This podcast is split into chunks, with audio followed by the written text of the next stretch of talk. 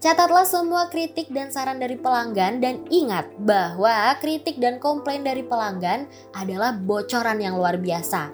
Hal ini akan sangat membantu Anda dalam membenahi kekurangan dan kesalahan bisnis serta mengalahkan kompetisi pasar. Smart Information. Find your inspiration with us.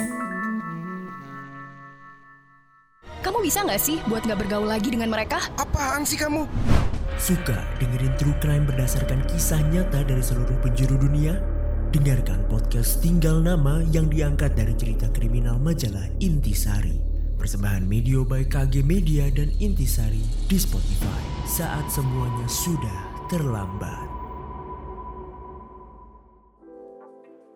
Halo, selamat datang di podcast Smart Inspiration, podcast yang membahas tentang strategi bisnis, motivasi, dan mindfulness. Perkenalkan, saya Ana dari Media Podcast Network persembahan KG Media. Sebelum mendengarkan sesi episode kali ini, jangan lupa buat follow dan beri rating terbaikmu untuk podcast Smart Inspiration di Spotify, serta nyalakan notifikasinya ya, supaya kamu bisa terinfo setiap ada episode terbaru. Jangan lupa juga untuk follow Instagram dan TikTok kami di @radio_smartfm959 dan @medio by KG Media.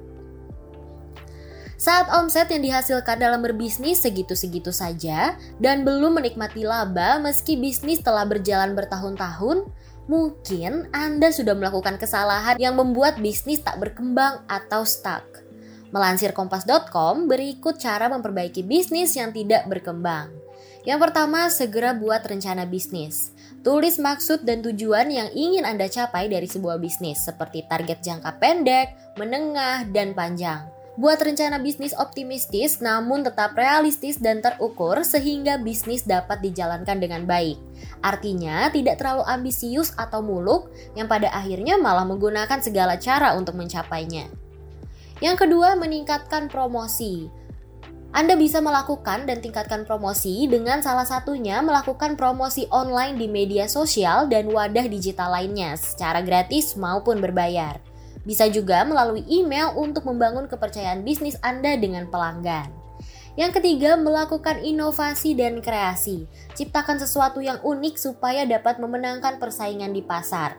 Jika Anda menjalankan bisnis kuliner atau makanan, pikirkan inovasi pada rasa, kemasan, dan juga tampilannya.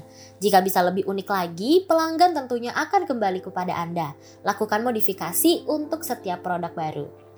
Yang keempat, mencatat semua kritik dan saran dari pelanggan. Nah, catatlah semua kritik dan saran dari pelanggan dan ingat bahwa kritik dan komplain dari pelanggan adalah bocoran yang luar biasa. Hal ini akan sangat membantu Anda dalam membenahi kekurangan dan kesalahan bisnis serta mengalahkan kompetisi pasar. Yang kelima, membenahi keuangan bisnis. Coret pengeluaran di luar kebutuhan bisnis, lakukan efisiensi dengan memangkas belanja yang tidak mendesak dan mulai memisahkan rekening pribadi dan rekening bisnis. Teruslah berusaha dan belajar untuk menjadi pengusaha sukses. Hal tersebut secara langsung akan mengubah bagaimana Anda menyikapi kondisi bisnis yang sedang jalan di tempat. Terima kasih telah mendengarkan episode ini. Saya Ana pamit, sampai jumpa di episode selanjutnya. Smart Information. Find your inspiration with us.